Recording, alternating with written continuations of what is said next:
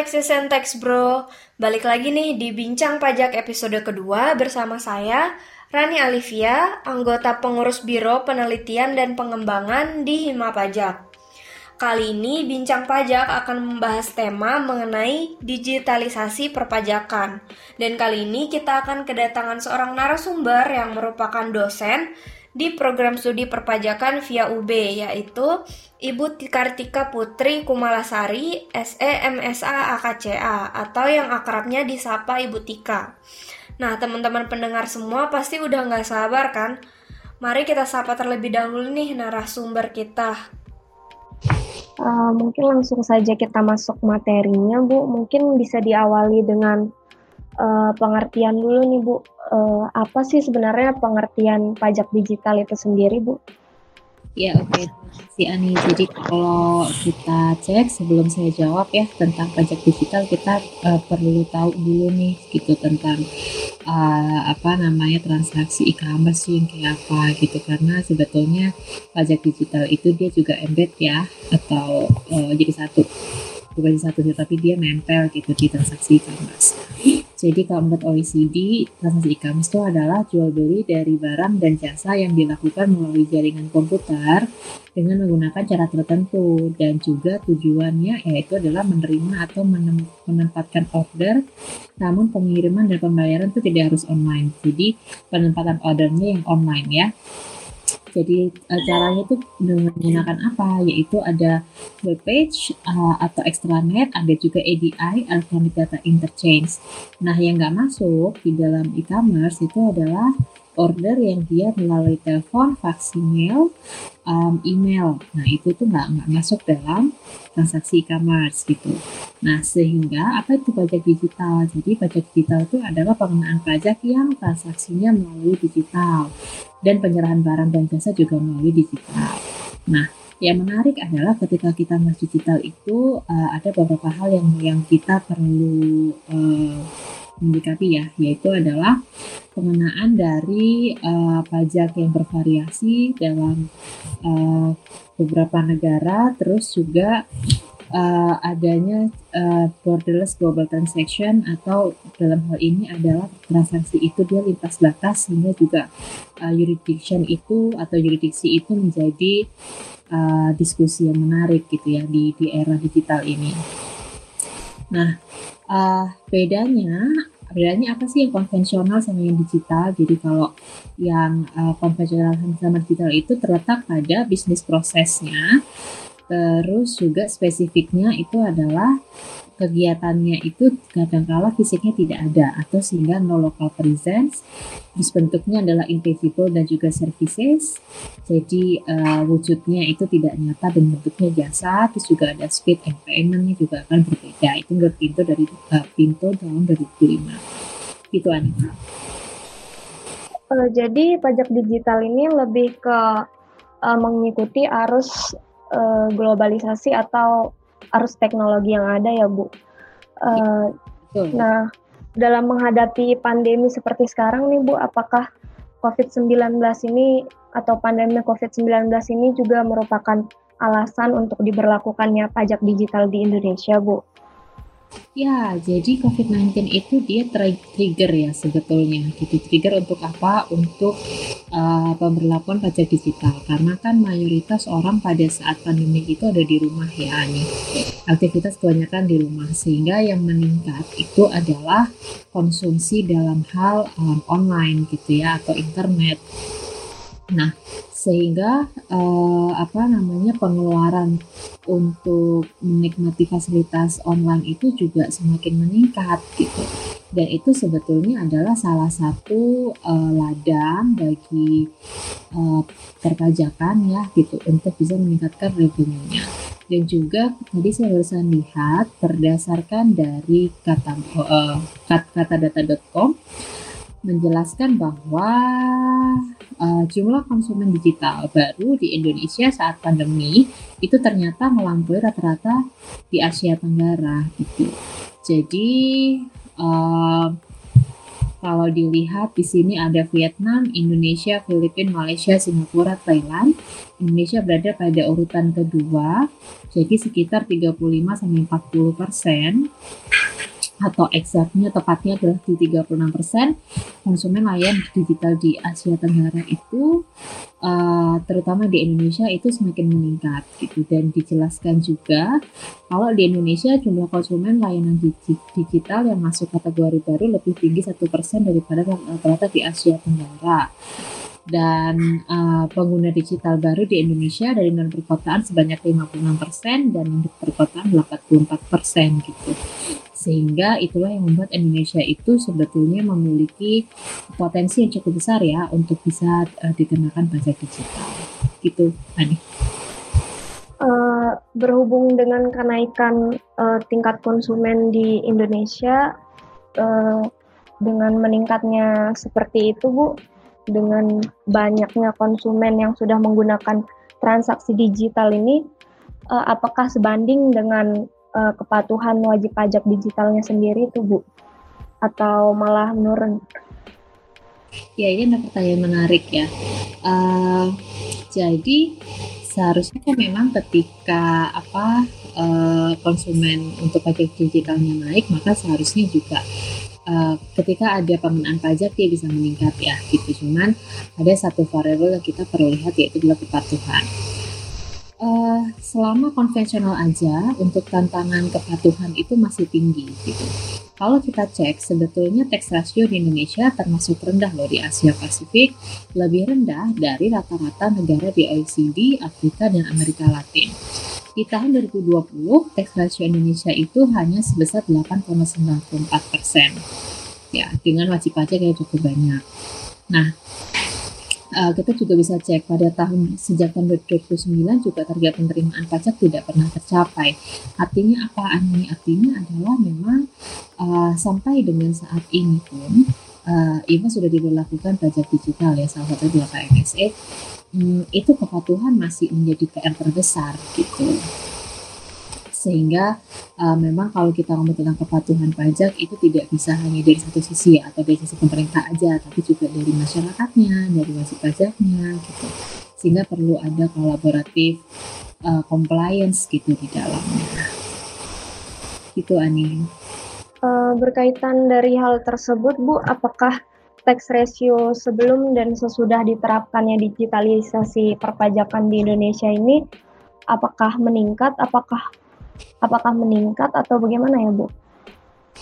Uh, meningkat sih kalau menurut saya masih stagnan ya stagnan lah di di 8 8 sampai 8,94 persen gitu jadi uh, apa namanya uh, sehingga Indonesia perlu untuk bisa mensosialisasikan kebijakan pajaknya dengan baik gitu.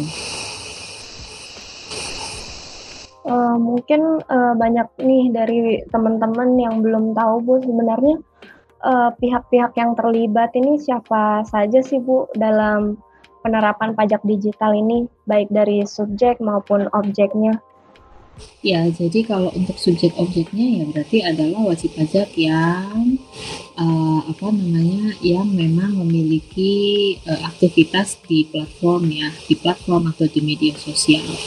Nah, uh, itu adalah yang masuk dalam subjek objek pajak. Sedangkan kalau secara luas uh, itu ada juga uh, apa namanya pemerintah dan juga masyarakat. Jadi kalau dilihat sebetulnya dampak penerapan pajak uh, untuk masyarakat dan pemerintah sih tentu saja itu uh, bisa menguntungkan ya gitu. Menguntungkannya kenapa? Karena bisa meminimalisir potensial loss dan juga bisa optimalisasi untuk pembangunan negara gitu. Contohnya di bidang apa saja, ada pendidikan, kesehatan, kesejahteraan, sosial, dan juga pemulihan ekonomi gitu ya.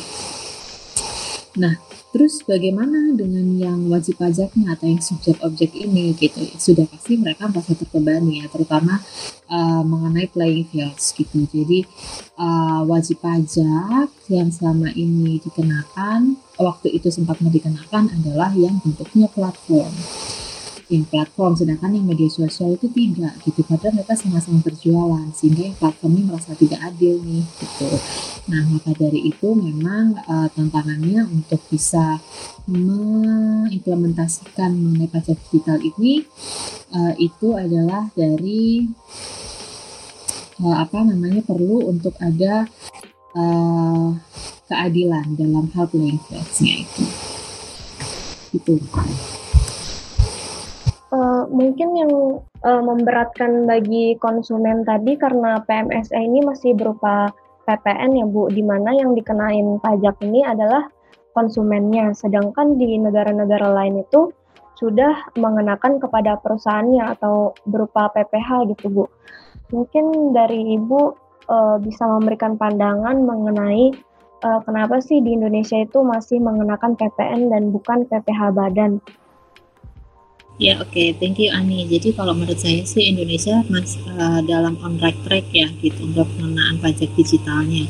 Karena untuk uh, pengenaan pajak digital itu sebetulnya dia uh, melihat tentang bagaimana kesiapan negara tersebut untuk pengenaan. Jadi contohnya adalah uh, yang pertama itu ada uh, kesiapan dari sisi peraturannya, kesiapan dari sisi administrasinya gitu Nah, uh, kalau kita lihat saat ini memang yang paling mudah itu adalah di PPN, ya. Nah, sekarang kita coba breakdown dulu nih pengertian uh, eh, PPN yang dia dikenakan untuk uh, apa namanya PMSE gitu ya. Jadi perdagangan melalui sistem elektronik atau PMSE itu seperti yang sudah dituliskan pada PP nomor 80 tahun 2019 tentang perdagangan melalui sistem elektronik yang pertama, pengertiannya PMSE itu adalah perdagangan yang transaksinya dilakukan melalui serangkaian perangkat dan prosedur elektronik. Terus itu ada di pasal 1 angka 2. Lalu apa itu perdagangan? Perdagangan adalah tatanan kegiatan yang terkait dengan transaksi barang dan atau jasa dalam negeri dan melampaui batas wilayah negara dengan tujuan pengalihan hak atas barang dan atau jasa untuk memperoleh imbalan atau kompensasi. Itu ada di pasal 1 angka 1. Terus sistem elektronik adalah serangkaian perangkat dan prosedur elektronik yang berfungsi mempersiapkan, mengumpulkan, mengolah, menganalisis, menyimpan dan menampilkan, mengumumkan, mengirimkan dan atau menyebar informasi elektronik itu ada di pasal 1 angka 3. Sehingga pada pasal 4 ayat 2 di Perpu nomor 1 tahun 2020 menjelaskan bahwa PMSE itu merupakan perdagangan yang transaksinya dilakukan melalui serangkaian perangkat dan prosedur elektronik. Nah, saya akan jelaskan kenapa uh, di Indonesia masih menerapkan PPN ya, PPN dalam bentuk PMSE. Uh, jadi kalau kita lihat dalam alur dan klasifikasi ekosistem e-commerce yang dibuat oleh Kemenko Perekonomian tahun 2018, itu diklasifikasikan dari yang pertama adalah seller atau penjual. Jadi seller itu ada dua nih bentuknya nih. Yang pertama adalah seller seller lokal atau yang kedua adalah seller asing. Nah, untuk yang seller pribadi atau badan usaha itu online uh, online channel lokalnya. Jadi ada dua, ada e-commerce e-commerce informal, contohlah kayak messaging application dan juga social media. Yang kedua ada e-commerce formal yaitu ada website sendiri, marketplace B2B, B2C ataupun C2C. Nah, kalau online channel asing itu dia uh, bisa pakai online retail, marketplace, B2B, B2C ataupun C2C. Baik yang dia online lokal dan juga online channel asing itu uh, pembayaran jadi satu nih yaitu ada di payment gateway. Jadi kalau payment gateway dia ada bank, ada internet, ada telco, ada fintech, ada COD, ada store atau kios. Lalu um, logistiknya dari yang uh, apa namanya channel lokal dan juga channel asing itu pun juga bermacam-macam. Ada internal on demand third party logistik atau fulfillment center. Nah barulah barang itu sampai pada customer yaitu adalah customer lokal pribadi atau badan usaha ataupun itu menjadi customer asing gitu. Sehingga kalau dilihat sebetulnya memang uh, saat ini lebih memudahkan yang uh, eh, PPN dulu nih gitu. Karena memang kalau kita membahas tentang pajak digital dia juga akan membahas tentang uh, permasalahan pajak lintas batas perdagangan barang tidak berwujud atau berskala global. Terus juga masalah penyiaran pajak yang lebih besar uh, fokus dari upaya bersama OECD ataupun G20 untuk mengatasi erosi dasar dan pergeseran laba atau BPS seperti kita tahu. Dan uh, apa namanya ada juga uh, dari OECD mengenai aksi nomor satu dari proyek BPS yaitu berfokus pada mengatasi tantangan pajak ekonomi digital um, Australia, Norwegia, Uni Eropa, ada juga Jepang dan juga negara-negara lain telah menerapkan perubahan kebijakan pajak yang bertujuan untuk memperbaiki kesenjangan kompetitif antara perusahaan asing dan domestik dalam jurisdiksi dan masing-masing. Nah, uh, maka dari itu memang saat ini yang mudah untuk Indonesia adalah dikenakan dulu mengenai PPN. Terus kita juga perlu untuk mengulas dalam hal uh, prinsip netralitas, prinsipnya ya, prinsip-prinsip pajak gitu. Jadi ada juga tentang netralitas, di mana uh, kalau PPN itu dia uh, sifat netralitasnya itu ada pada bisnis pada situasi dan transaksi serupa dalam satu yuridiksi harus tunduk pada tingkat pemajakan yang sama.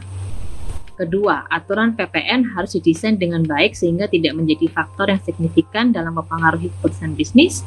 Yang ketiga adalah bisnis asing tidak boleh dirugikan atau diuntungkan dibandingkan dengan bisnis domestik pada yuridiksi di mana pajak jatuh tempo telah dibayar. Terus yang selanjutnya adalah kita juga perlu melihat pada prinsip tujuan atau destination principle. Ada tiga hal nih Ani yang perlu dilihat. Yang pertama adalah dalam hal terjadi perbedaan antara lokal, lokasi pelanggan dan pemasok. Harus ditentukan jurisdiksi perpajakan yang memiliki kewenangan atau memungut pajak. Terus yang kedua, berdasarkan panduan ini, tarif PPN yang diterapkan ke produk atau layanan digital adalah sama di wilayah hukum tertentu di mana pun pemasok berada. Terus yang ketiga juga ekspor akan dibebaskan dari perpajakan. Nah, maka dari itu uh, ruang lingkup layanan digital berbeda-beda tiap negara. Uh, seperti contohnya kalau Uni Eropa dia mendefinisikan layanan digital sebagai telekomunikasi, penyiaran radio dan televisi bersama dengan uh, layanan elektronik gitu ya. Terus Jepang mendefinisikan layanan digital menjadi penyediaan artikel hak cipta dan lisensi artikel tersebut dan layanan lain yang disampaikan melalui jaringan. Lalu uh, di Jepang ada juga uh, mengenakan tentang layanan dan perangkat lunak operator telekomunikasi, telekomunikasi di luar lingkup perpajakan. Nah, berdasarkan hal tersebut, maka Indonesia yang pertama mengenakan dari sisi PPN-nya gitu, karena tadi melihat dari administrasinya memang lebih mudah sama yang kedua adalah dilihat dari prinsip netralitas dan juga destination principle yang tadi saya jelasin. Itu. Berarti untuk saat ini Indonesia masih sulit ya Bu untuk melaksanakan PMSE berupa PPH badan dan bukan PPN. Hmm, kalau dibilang sulit enggak, bahkan menyiapkan diri untuk bisa mengenakan ke PPH. Karena apa? Karena ketika kita ngomong tentang PPH, uh, apalagi lintas negara ya itu harus diperbaiki dulu dari sisi BUT atau uh, Badan Usaha Tetap yang itu ada di perjanjian pajak. Namun untuk melakukan hal itu ada banyak faktor nih gitu ya. Yang pertama adalah untuk unilateralnya itu harus memperbaiki dulu atau melakukan reformasi pemajakan atas uh, UU KUP yang sekarang dilakukan. Terus yang kedua adalah hmm, perlunya ada konsensus global yang perlu disepakati bersama uh, antar semua negara mengenai pendefinisian BUT. Nah, untuk pendefinisian BUT ini sebetulnya sedang digagas juga oleh OECD yaitu adalah akan ada konsensus global untuk pilar 1 dan 2 yang mana keduanya adalah membahas tentang uh, profit shifting yang dilakukan oleh multinational company uh, itu secara global ya gitu. Cuman kalau yang unit unilateralnya di Indonesia itu adalah menyiapkan untuk RUKUP dan kalau kita lihat sebetulnya ada beberapa persiapan yang sedang dilakukan oleh Indonesia supaya bisa uh, apa namanya memperbaiki dari sisi BUT-nya ya dan juga mengenakan apa namanya mengenakan pajak digital yaitu yang pertama adalah pengaturan kembali fringe benefit. Jadi fringe benefit itu adalah uh, fasilitas ya, fasilitas yang yang diberikan oleh uh, perusahaan yang bisa dinikmati bersama-sama. Nah, itu diatur gitu bahwa mengusulkan fringe benefit itu untuk kepentingan PPH pada memberi kerja dan merupakan penghasilan bagi pegawai. Pemberian natura di objek PPH bagi penerima dibatasi hanya dalam hal penyediaan makanan minuman seluruh pegawai, natura tidak tertentu, natura karena keharusan pekerjaan, dan natura dengan jenis batasan nilai tertentu yang ketentuannya lebih lanjut diatur oleh PMK. Yang kedua, ada perubahan materi UU PPH dalam hal apa? Dalam hal perubahan tarif dan bracket PPHWP orang pribadi atau OP. Kalau sebelumnya maksimal adalah 30%, sekarang maksimal adalah atau paling tinggi itu ada di angka 35% untuk penghasilan di atas 5 miliar. Uh, terus uh, ada juga tentang instrumen pencegahan penghindaran pajak atau GAR, General Anti Avoidance Rules Uh, terus juga ada juga penyesuaian insentif BPUKM dengan omset di bawah 50 miliar setahun. Itu ada di revisi pasal 31E sama satu lagi adalah penerapan alternatif minimum tax atau AMT ya gitu. Nah, uh, sehingga ketika ada perubahan materi di UU PPH dan juga di UU KOP-nya itu sendiri, terutama di sini untuk UU KOP itu ada perubahan mengenai Bentar, ada perubahan mengenai prosedur.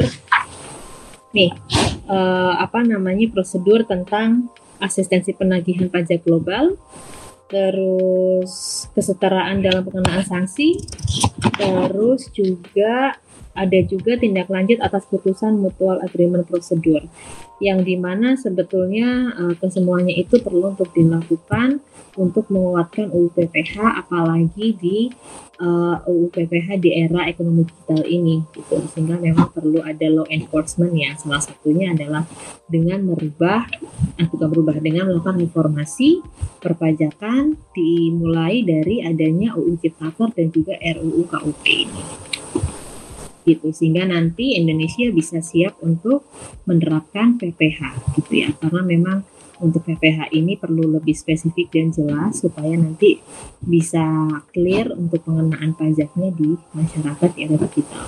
Gitu. Oke, mungkin karena kita sudah membahas dari uh, sisi Indonesia pajak digitalnya, mungkin kita beralih ke pajak digital global, Ibu. Mungkin dimulai dari bagaimana sih skema penerapan dan sejarah pajak digital di dunia sebenarnya?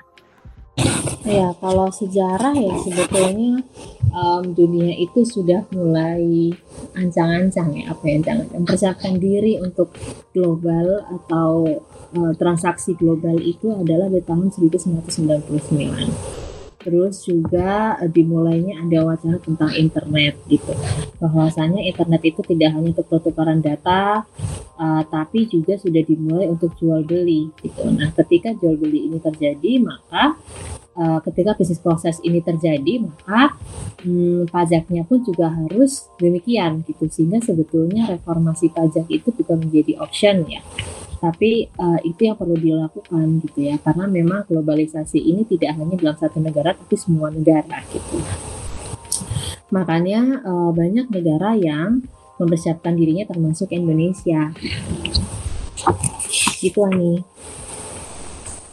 Uh, mungkin ibu juga bisa memberikan contoh nih uh, bagaimana sih skema penerapan pajak digital di negara lain dan gimana sih perbandingannya dengan pajak di digital yang ada di Indonesia saat ini, Bu?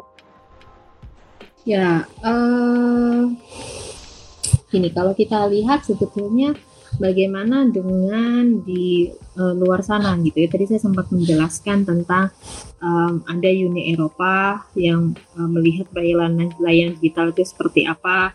Jepang pun demikian. Uh, sebagai tambahan juga ada juga dari Uni Eropa maupun Jepang itu mereka sebetulnya tidak menyertakan layanan arsitektur atau hukum yang diimpor melalui internet sebagai layanan digital. Namun layanan ini termasuk dalam aplikasi GST Australia untuk produk dan layanan digital yang diimpor, yaitu dari uh, ini sumbernya dari Australia Tax Office. Terus hal ini juga merupakan uh, apa namanya memberikan perbedaan ya dalam uh, dalam apa yang merupakan layanan digital di antara yurisdiksi adalah masalah pilihan untuk masing-masing negara. Namun, tujuan universal adalah untuk memberikan jaring yang luas pada layanan perpajakan tanpa menambah beban yang berlebihan kepada bisnis asing ataupun domestik.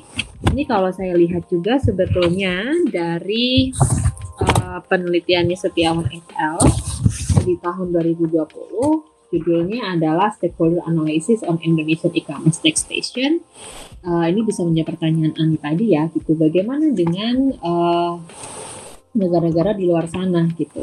Dia membaginya menjadi negara berkembang, eh, salah, negara yang sudah berkembang, negara yang sedang berkembang, dan juga Indonesia ya. Jadi dinyatakan bahwa di hasil penelitian Setiawan et al. ini untuk uh, apa namanya uh, e-commerce yang ada di luar sana memang agak berbeda-beda ya gitu. Uh, contohnya adalah US dan juga Lithuania.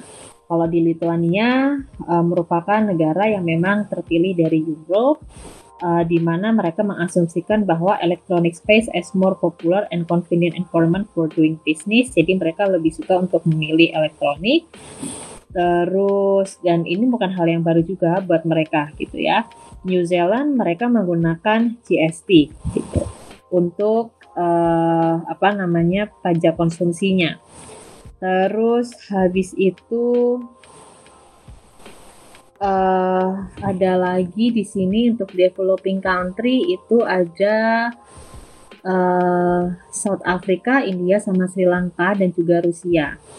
Nah, kalau kita lihat sebetulnya uh, di Rusia pun juga mereka uh, sudah mulai untuk melakukan uh, transition tax ataupun uh, bisnis mulai dari yang e-commerce menjadi uh, sorry konvensional menjadi e-commerce itu tahun 2018. Lalu India India itu sudah me, apa namanya uh, mulai untuk melakukan regulate IP-nya di tahun 2000 tapi ternyata ini juga masih banyak kelemahan sampai hari ini. Terus Sri Lanka Sri Lanka dia malah lebih uh, apa namanya fokus terhadap SME kenapa? Karena SME itu di Sri Lanka itu dia memiliki crucial role gitu ya. Sehingga uh, mereka sedang merancang untuk uh, apa namanya pengenaan pajak SME terutama yang berkaitan dengan teknologi dan juga uh, security trustnya. Nah, terus gimana nih dampaknya gitu ya? Dampaknya, uh, oh ya, gimana dengan Indonesia sebelum saya ngomong dampak? Gimana dengan Indonesia? Kalau Indonesia sebetulnya sudah ada gitu ya, tapi uh, sosialisasinya perlu lebih baik sehingga bisa mengeksplor dan melihat potensi revenue dan juga supervision are related to the implementation of this rule gitu. Jadi uh, udah ada nih regulasinya gitu, cuma tinggal diperjelas dengan sosialisasi yang baik sehingga bisa menciptakan uh, keadilan gitu ya, baik yang dia konvensional maupun yang dia cyber business gitu atau e-commerce. Nah sekarang kita lihat gitu, uh, dampaknya mereka sebetulnya uh, gimana nih dengan adanya e-commerce tax gitu ya atau pengenaan e-commerce pada tax. Uh, sebetulnya kalau untuk yang negara berkembang mereka lebih berfokus pada uh, multinational transaction dan juga transfer pricing termasuk juga dengan mengalokasikan uh, apa namanya mengalokasikan hak perpajakannya antara negara sumber dan juga negara lainnya termasuk dengan uh, negara residen gitu. Sehingga ani uh, untuk semua negara memiliki sebetulnya memiliki ini ya, memiliki uh, apa namanya? memiliki perat, uh, memiliki kesamaan nih gitu ya. Kesamaan dalam hal apa? Kesamaan dalam hal perpajakan uh, yaitu dalam hal apa gitu. Yang pertama adalah tentang yuridiksi Terus yang kedua adalah tentang administrasi pajaknya mana yang lebih memudahkan. Terus yang ketiga adalah permasalahan dengan uh, apa itu namanya uh, eh, ETR. PTR itu adalah effective tax rate-nya yang sekarang menjadi kompetisi gitu. Ada yang lebih rendah, ada yang lebih uh, tinggi gitu. Nah, itu juga merupakan uh, permasalahan juga di dalam teks digital untuk semua negara. Nah, uh, maka dari itu uh, apa namanya perlu ada aturan yang jelas, terus perlu adil antara yang konvensional berbisnis yaitu dengan treatment yang sama gitu. Terus hal ini juga perlu diperlukan untuk apa? Yaitu adalah untuk tadi memberikan keadilan bagi yuridiksi, uh, terus juga aktivitas ekonomi yang tidak ada, sehingga bisa exchange data juga. Nah, sekarang juga uh, apa namanya uh, perlu juga kita lihat tentang uh, apa yang sedang dilakukan oleh OECD ya gitu, yaitu adalah kalau uh, di OECD itu sedang mengatur juga untuk pilar 1 dan 2 tadi yang sudah saya jelaskan yaitu adalah tentang uh, pertama yuridiksi sama yang kedua adalah bagaimana alokasi uh, untuk labanya. Itu Ani. Mungkin tadi dari banyak negara yang sudah Ibu jelaskan uh, mengenai skema penerapan pajak digitalnya di masing-masing negara tersebut, uh, ada nggak sih Bu kemungkinan Indonesia bisa mencontoh negara yang mana untuk penerapan pajak digitalnya, terutama di digitalisasi sistem perpajakannya Bu?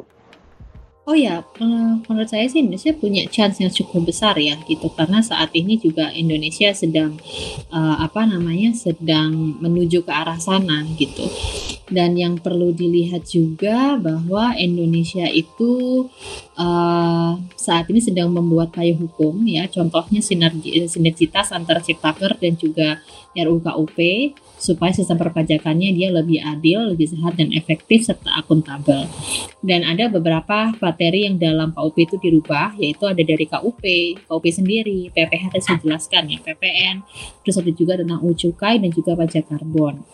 Serta perlu juga di Indonesia itu adalah mempersiapkan peraturan pemerintah dan PMK yang sejalan dan jelas, uh, sehingga dia tidak tumpang tindih antara satu dengan lainnya terus juga perlu untuk mendesain sosialisasi uh, menjadi uh, digital sosialisasi ya gitu. Terus juga evaluasi implementasi kebijakan dengan big data platform dengan big data sumber daya guna mengoptimalkan teknologi yang ada gitu.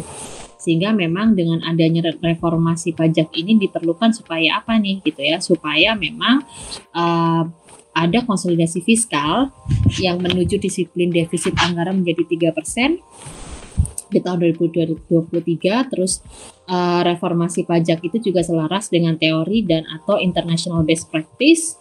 Terus juga uh, IMF itu bilang gitu bahwa pada IMF Medium Term Revenue Strategy di Indonesia kalau Indonesia itu melakukan apa namanya melakukan reformasi itu paling tidak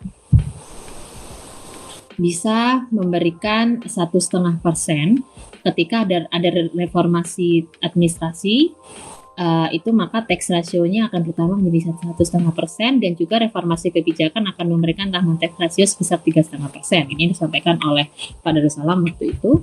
Terus juga uh, pada saat ini pula di pajak era digital memang ada dua hal ya yang sedang dilakukan oleh Indonesia yaitu adalah optimalisasi dan pemajakan yang lebih adil.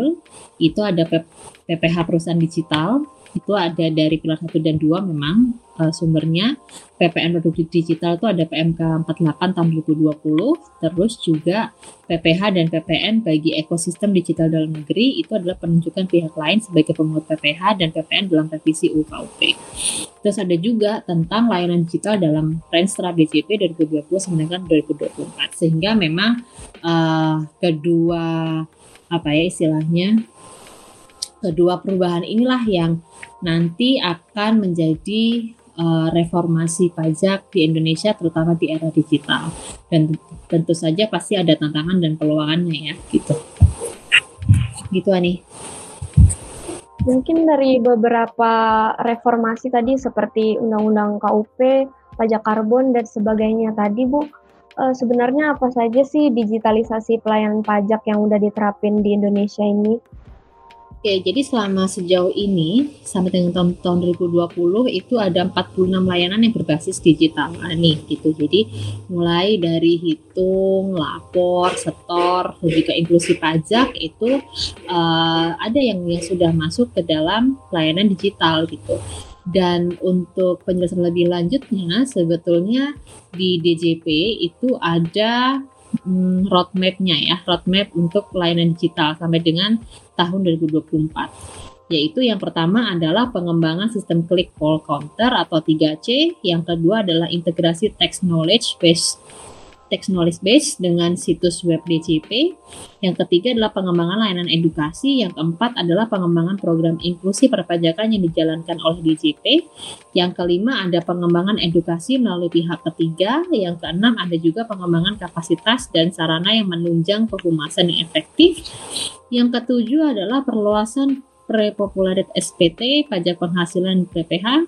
Yang kedelapan ada perluasan kanal pembayaran pajak. Yang kesembilan ada automa otomasi penelitian restitusi untuk wajib pajak dengan kategori resiko rendah gitu. Jadi um, sebetulnya sih Indonesia uh, memiliki rencana yang ini ya, rencana yang komprehensif gitu dalam hal perubahan uh, reformasi pajaknya itu. Gitu dan memang uh, perlu juga untuk apa namanya uh, perlu juga untuk uh, melihat gitu ya bahwa sebetulnya dengan adanya pelayanan digital itu uh, itu perlu dilihat tentang uh, kemudahan dalam hal trans apa namanya administrasi dan juga lebih transparan gitu. Mengapa demikian? Karena kan bisa jadi nanti wajib pajaknya tidak hanya dalam negeri ya, tapi juga bisa luar negeri. Mungkin yang luar negeri akan jauh lebih banyak gitu, sehingga memang lebih uh, mudah untuk salah, lebih mudah dan juga lebih transparan bagi wajib pajak itu baik itu LN maupun uh, dalam negeri. Itu. Uh, mungkin Bu untuk closing statement nih Bu, bagaimana sih pandangan dan saran Ibu mengenai pajak digital di Indonesia ini Bu? Ya, uh, jadi kalau menurut saya sebetulnya um, Indonesia on the right track ya dalam perubahan pajaknya. Uh, ada beberapa hal yang perlu menjadi evaluasi, yaitu yang pertama adalah tentang uh, synchronize antara satu peraturan dengan peraturan yang lain sehingga tidak terjadi overlapping. Lalu yang kedua adalah uh, di Indonesia juga mulai untuk bisa melakukan uh, apa namanya uh, uh, uh, uh, analisis berbasiskan big data gitu ya karena memang big data, data ini apalagi big, big, big data dari wajib pajak itu sangat mempengaruhi uh, kebijakan dan dan juga kepatuhan wajib pajak nantinya. Terus juga yang selanjutnya adalah tentang sosialisasi gitu. Sosialisasi memang ini rasanya kayak uh, hal yang biasa ya. Kita sebetulnya sosialisasi itu memberikan dampak yang cukup signifikan kepada wajib pajak dalam hal transfer knowledge gitu ya. Sehingga nanti uh, nanti apa namanya wajib pajak itu bisa uh, bersama-sama dengan pemerintah untuk dalam hal ini DCP ya dalam uh, dalam meningkatkan uh, kepatuhan dan juga awareness bahwa pajak itu memang penting gitu untuk satu negara karena pajak itu juga akan menjaga kedaulatan satu negara. Terus uh, tadi nyambung juga dengan sosialisasi itu sebaiknya memang dilakukan digitalisasi yang dia berfokus pada kebutuhan wajib pajak gitu ya sehingga itu juga akan sangat membantu dalam mewujudkan kolaboratif compliance gitu. Dan yang perlu digarisbawahi adalah uh, saat ini adalah momen yang tepat bagi Indonesia untuk melakukan uh, reformasi dimulai dari RUKUP dan pada saat RUKUP itu seharusnya adalah menjadi momentum untuk meng mengamandemen kebijakan sanksi yang menyebabkan high cost ekonomi gitu. Sehingga nanti uh, bisa sejalan antara uh, apa namanya antara uh, kebutuhan dari pemerintah dan juga uh, kebutuhan dari masyarakat dalam ini wajib pajak supaya bisa sama-sama memenuhi kewajiban pajaknya dan sama-sama bisa untuk membangun negara. Itu Ani. Baik, terima kasih Bu. Mungkin sebelum kita menutup kegiatan kita pada sore hari ini, uh, izinkan saya menyimpulkan terlebih dahulu Uh, sebenarnya pajak digital itu adalah pajak yang dikenakan atas transaksi digital dan di Indonesia sendiri uh, yang dikenakan itu adalah PPN, sedangkan di negara lain berupa PPH badan. Dan sebenarnya uh, pajak digital ini sudah lama direncanakan untuk diberlakukan di Indonesia, tapi baru terlaksana sekarang dan salah satunya itu karena dorongan uh, dan tuntutan pandemi uh, karena pandemi itu uh, mempercepat uh, terjadinya uh, diberlakukannya pajak digital ini. Lalu uh, tantangan bagi pemerintah sendiri itu kurangnya kepatuhan dari wajib pajak dan seperti yang Bu Tika bilang itu uh, perlunya ada sosial, sos, sosialisasi mengenai uh, pelan, digitalisasi pelayanan pajak ini sendiri. Dan untuk pajak digital global ini ada beberapa negara yang sudah dicontohkan oleh Ibu Tika dan kemungkinan Indonesia untuk bisa mencontoh negara lain itu sangat besar karena Indonesia sendiri masih dan sedang melakukan reformasi di bidang perpajakan.